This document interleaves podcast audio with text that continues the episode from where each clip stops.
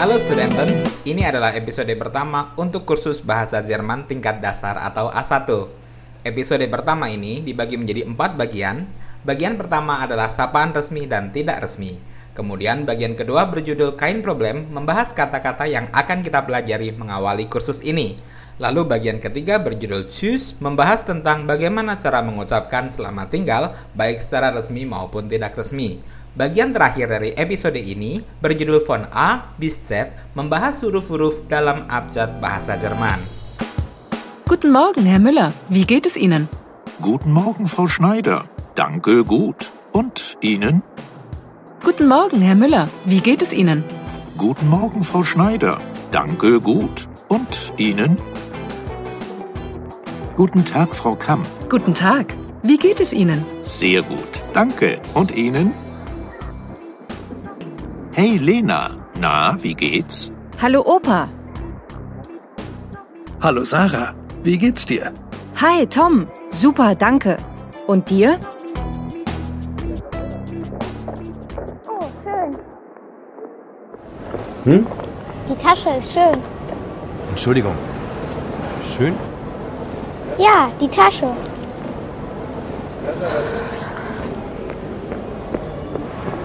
Emma, komm jetzt. Entschuldigung.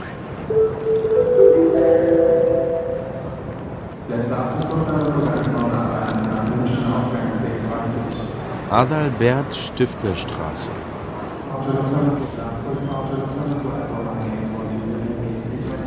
Baru saja kita telah mendengarkan bagian pertama. Terdengar di awal bagian bermacam-macam sapaan dari banyak orang.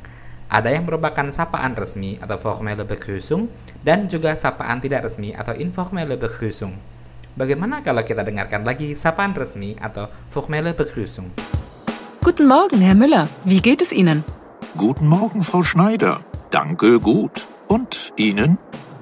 Guten Morgen, Herr Müller. Wie geht es Ihnen? Guten Morgen, Frau Schneider. Danke, gut. Und Ihnen? Guten Tag, Frau Kamp. Guten Tag. Wie geht es Ihnen? Sehr gut. Danke. Und Ihnen? Kemudian sekali lagi kita dengarkan sapaan tidak resmi atau informelle Begrüßung. Hey, Lena. Na, wie geht's? Hallo Opa. Hallo, Sarah. Wie geht's dir? Hi Tom. Super, danke. Und dir? Mari kita dengarkan lagi potongan terakhir dari bagian pertama episode ini. Oh, schön. Hm? Die Tasche ist schön. Entschuldigung. Schön? Ja, die Tasche.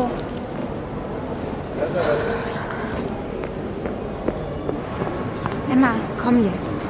Entschuldigung.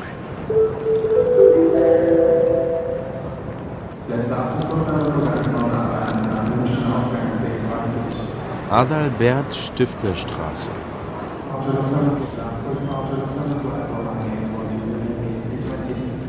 Oke, telah kita dengarkan bagian pertama dari episode pertama pelajaran bahasa Jerman tingkat dasar atau A1.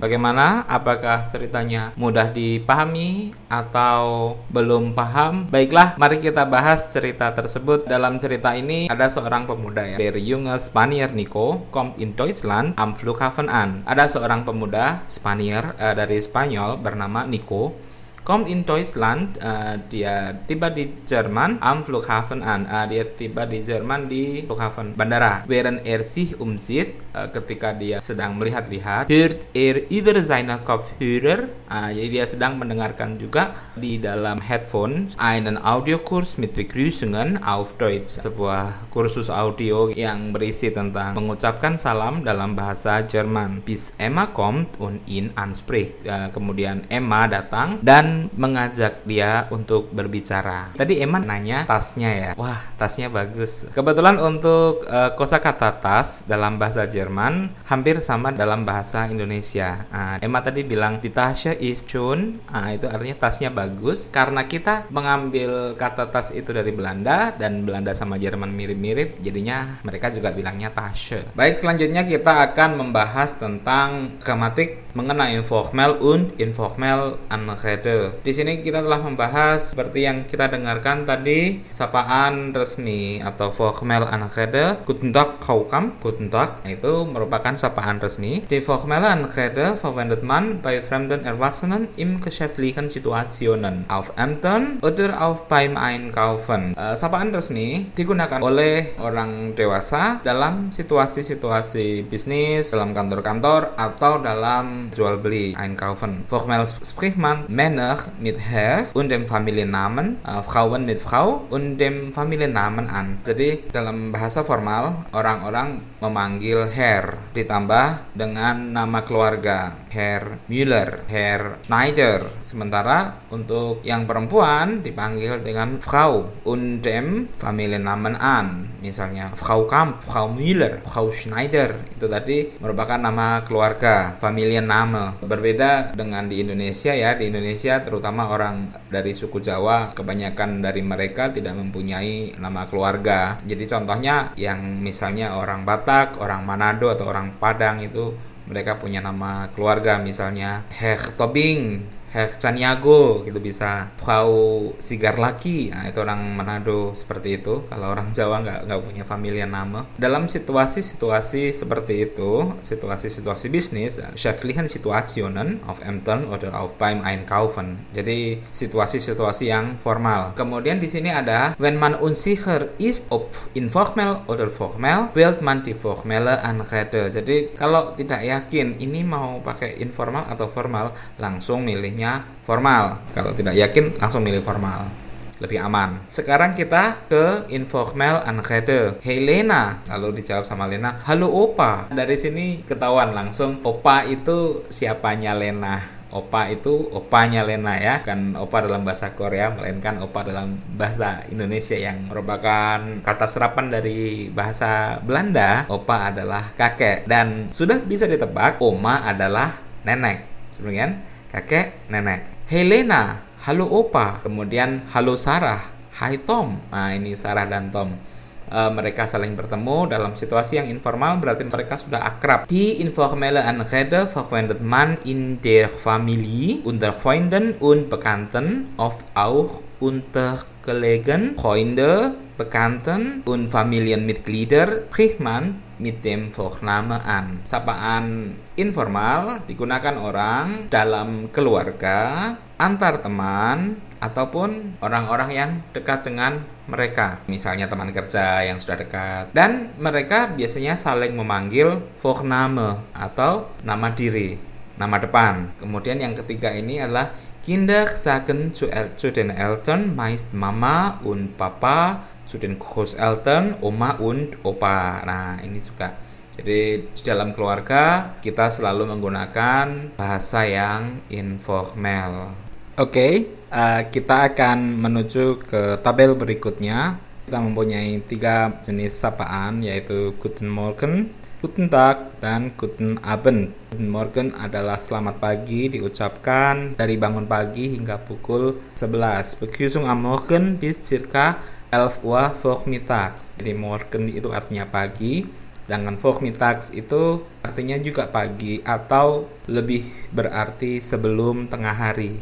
Vormittags, jadi sebelum tengah hari. Kemudian kita punya Guten Tag. Uh, Begrüßung tagsüber etwa zwischen 11 Uhr vormittags und 8 Uhr abends. Jadi ini merupakan sapaan sepanjang hari dari pukul 11 11 Uhr hingga pukul 18 18 Uhr abends di petang hari. Jadi guten tag ini diucapkan dari pukul 11 sebelum tengah hari hingga pukul 18 petang. Kemudian kita punya guten Abend. Guten Abend atau selamat petang ini kita ucapkan setelah kira-kira kurang lebih jam 18 petang hari. Oke. Okay? Guten Abend, Begrüßung am Abend ab circa 18 Uhr abends. Demikian tiga sapaan yang harus kita ingat ketika kita ingin menyapa seseorang, kita harus mengingat waktunya.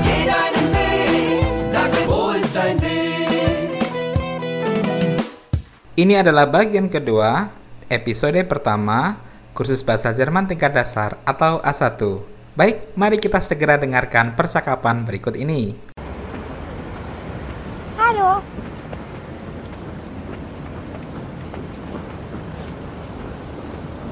Mist. Ja, ich bin gut angekommen. Du kannst mir die Unterlagen für das Meeting im Hotel hinterlegen.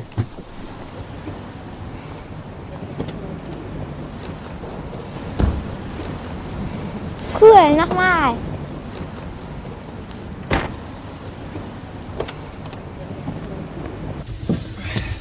Ins Zentrum bitte, zum Königshof. Ins Zentrum, zum Königshof. Ins Restaurant Königshof oder zum Hotel Königshof? Hotel Königshof. Okay, kein Problem.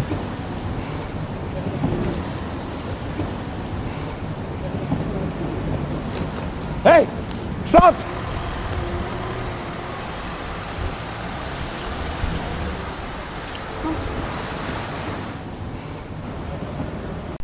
Apakah kalian bisa mengerti beberapa kata-kata dalam bahasa Jerman yang disampaikan dalam dialog tersebut? Bagaimana kalau kita dengarkan sekali lagi? Hallo.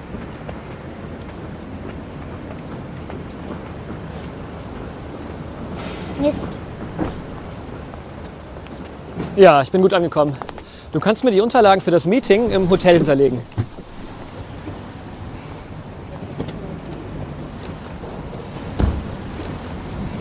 Cool, nochmal.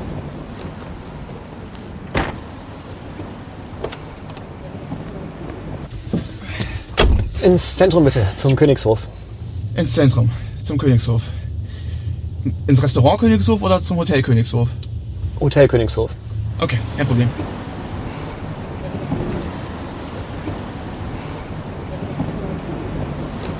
Hey, stopp!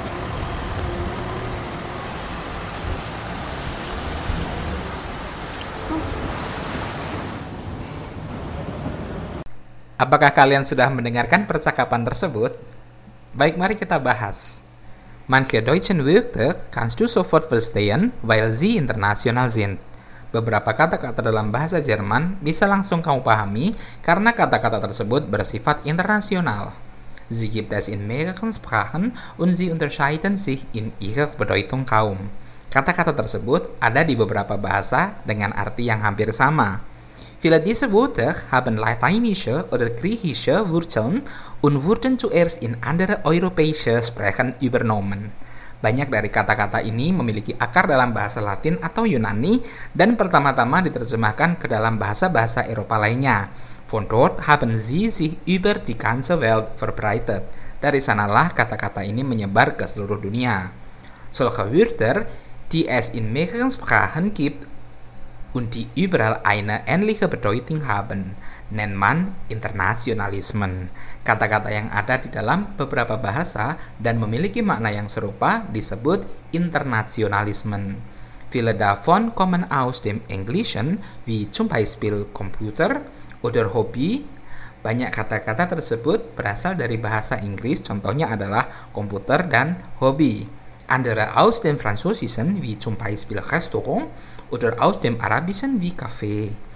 Yang lain berasal dari bahasa Prancis, contohnya restaurant, nah restoran, atau dari bahasa Arab seperti kopi. Auch manche deutschen Wörter werden in vielen anderen Sprachen verwendet. Ein Beispiel ist das Wort Kitsch. Beberapa kata dalam bahasa Jerman juga digunakan dalam banyak bahasa lain. Contohnya adalah kata Kitsch.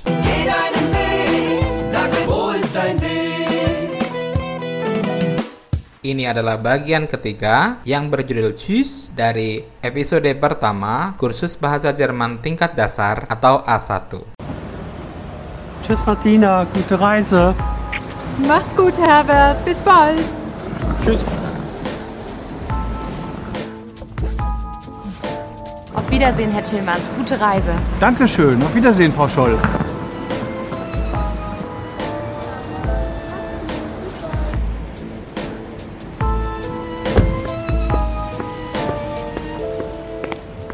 Alles okay?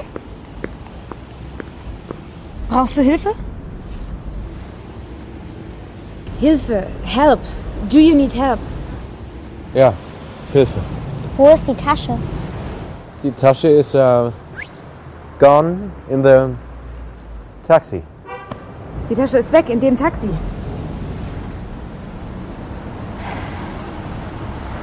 Wohin willst du? Wohin? Willst du ins Zentrum? Zentrum, ja.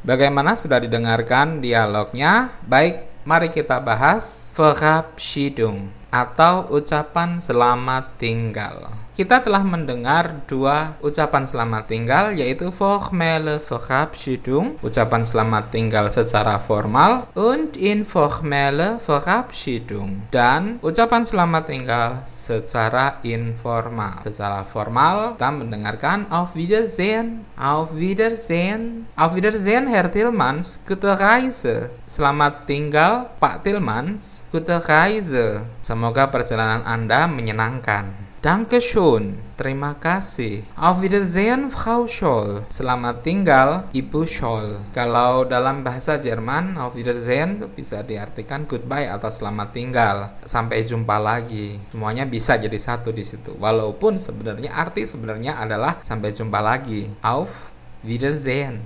Sampai jumpa lagi. Yang informelle Verabschiedung kita bisa mendengarkan Tschüss. Nah, itu Tschüss agak selenting gitu di telinga ya. Karena memang U-nya menggunakan U umlaut bukan U melainkan U.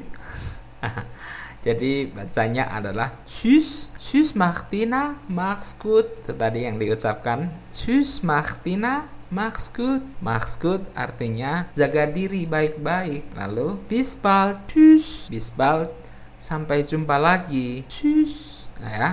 Tschüss ini artinya selamat tinggal. Kalian nanti akan bertemu dengan huruf-huruf vokal yang kasih dua titik di atasnya. Kita bilangnya umlaut. Ada A umlaut, ada U umlaut, ada O umlaut. Ada yang bilang Dankeschön. Ah itu O-nya pakai umlaut. Jadi kalau O tidak pakai umlaut bilangnya O, O. Kalau O pakai umlaut bilangnya U.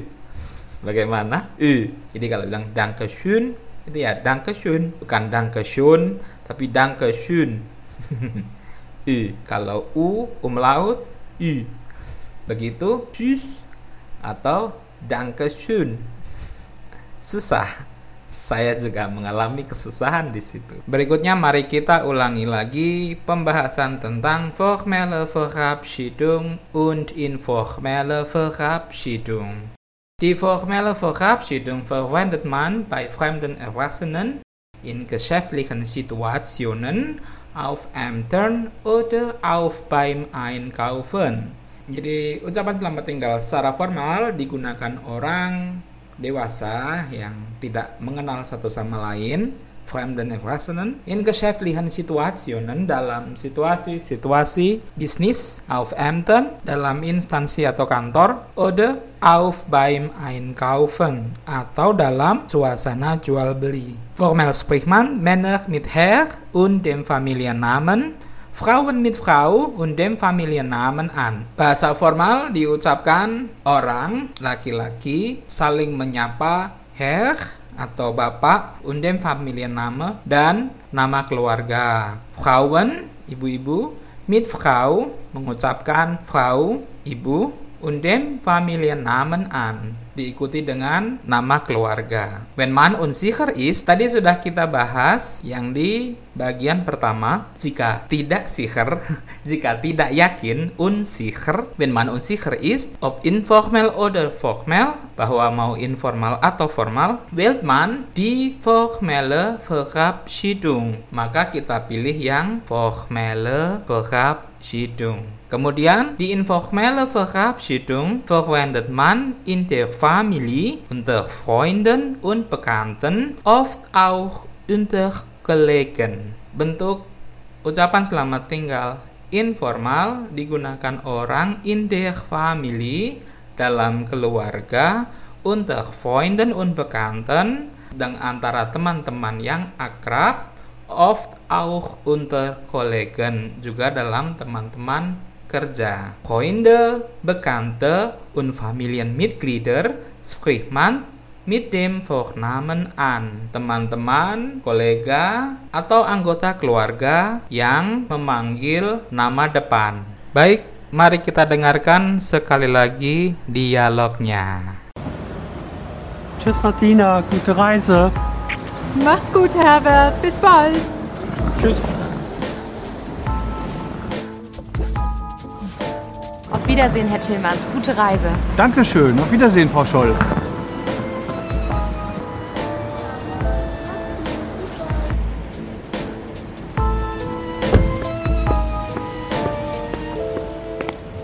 Alles okay? Brauchst du Hilfe? Hilfe, help. Do you need help? Ja, Hilfe. Wo ist die Tasche? Die Tasche ist uh, gone in the taxi. Die Tasche ist weg in dem Taxi.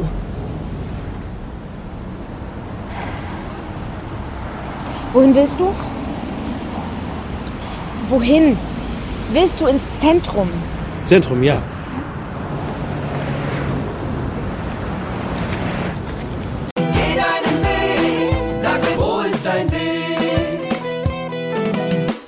Ini adalah bagian 4 yang berjudul Von A bis Z dari episode 1 kursus bahasa Jerman tingkat dasar atau A1. Jara. Wer ist Yara? Ähm, meine Aunt. Deine Tante? Nicht schlecht. Du willst zu deiner Tante, zu Yara. Hast du die Adresse? Adresse, Straße, Hausnummer. Andel. Adelschiffstraße? Die kenne ich nicht.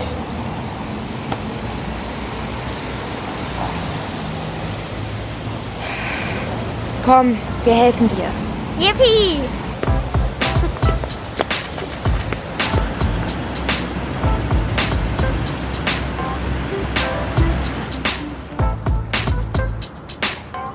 Emma. Mein Name ist Emma. Und das ist meine Tante. Deine Mama. Nein, Lisa ist auch nicht meine Mama. Sie ist meine Tante. Meine Mama fliegt nach Amerika. Sie arbeitet da. Bitte. Danke.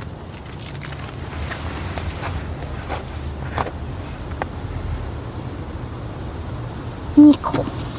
Mein Name ist Nico. Hallo, Nico. Hallo Emma.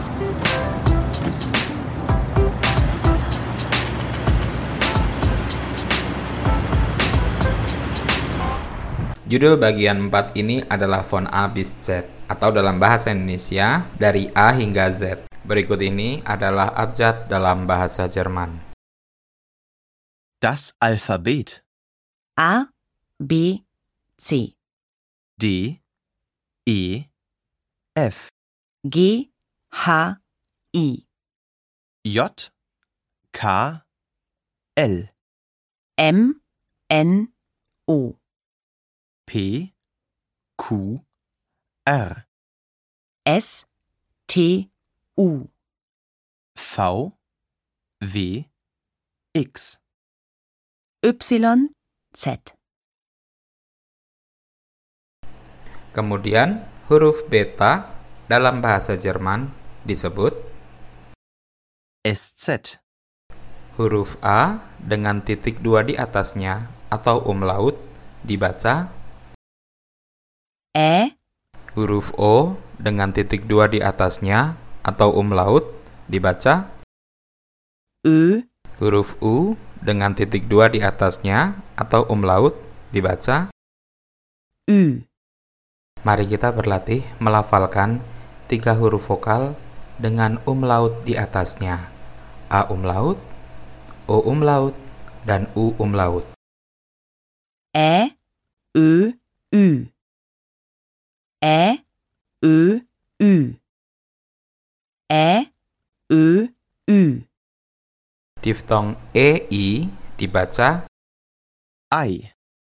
seperti dalam kata-kata berikut ini. Schneider, ein, eine. Diftong EU dan diftong A umlaut U dibaca Oi, Mata uang negara Jerman adalah Euro. Benua tempat negara Jerman berada adalah Europa. Demikian abjad atau huruf-huruf dalam bahasa Jerman. Mari kita dengarkan sekali lagi dialog bagian keempat episode 1. Yara. Wer ist Yara? Ähm, meine Aunt. Deine Tante? Nicht schlecht. Du willst zu deiner Tante, zu Yara. Hast du die Adresse? Adresse, Straße, Hausnummer. Andel. Adelschiffstraße? Die kenne ich nicht.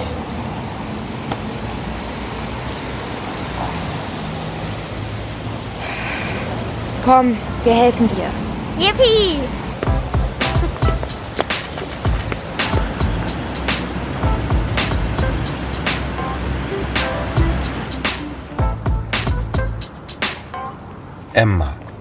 Mein Name ist Emma.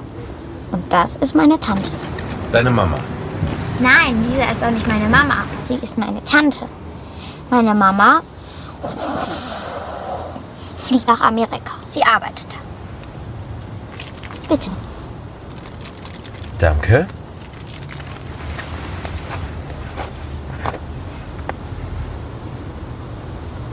Nico. Mein Name ist Nico. Hallo, Nico. Hallo Emma.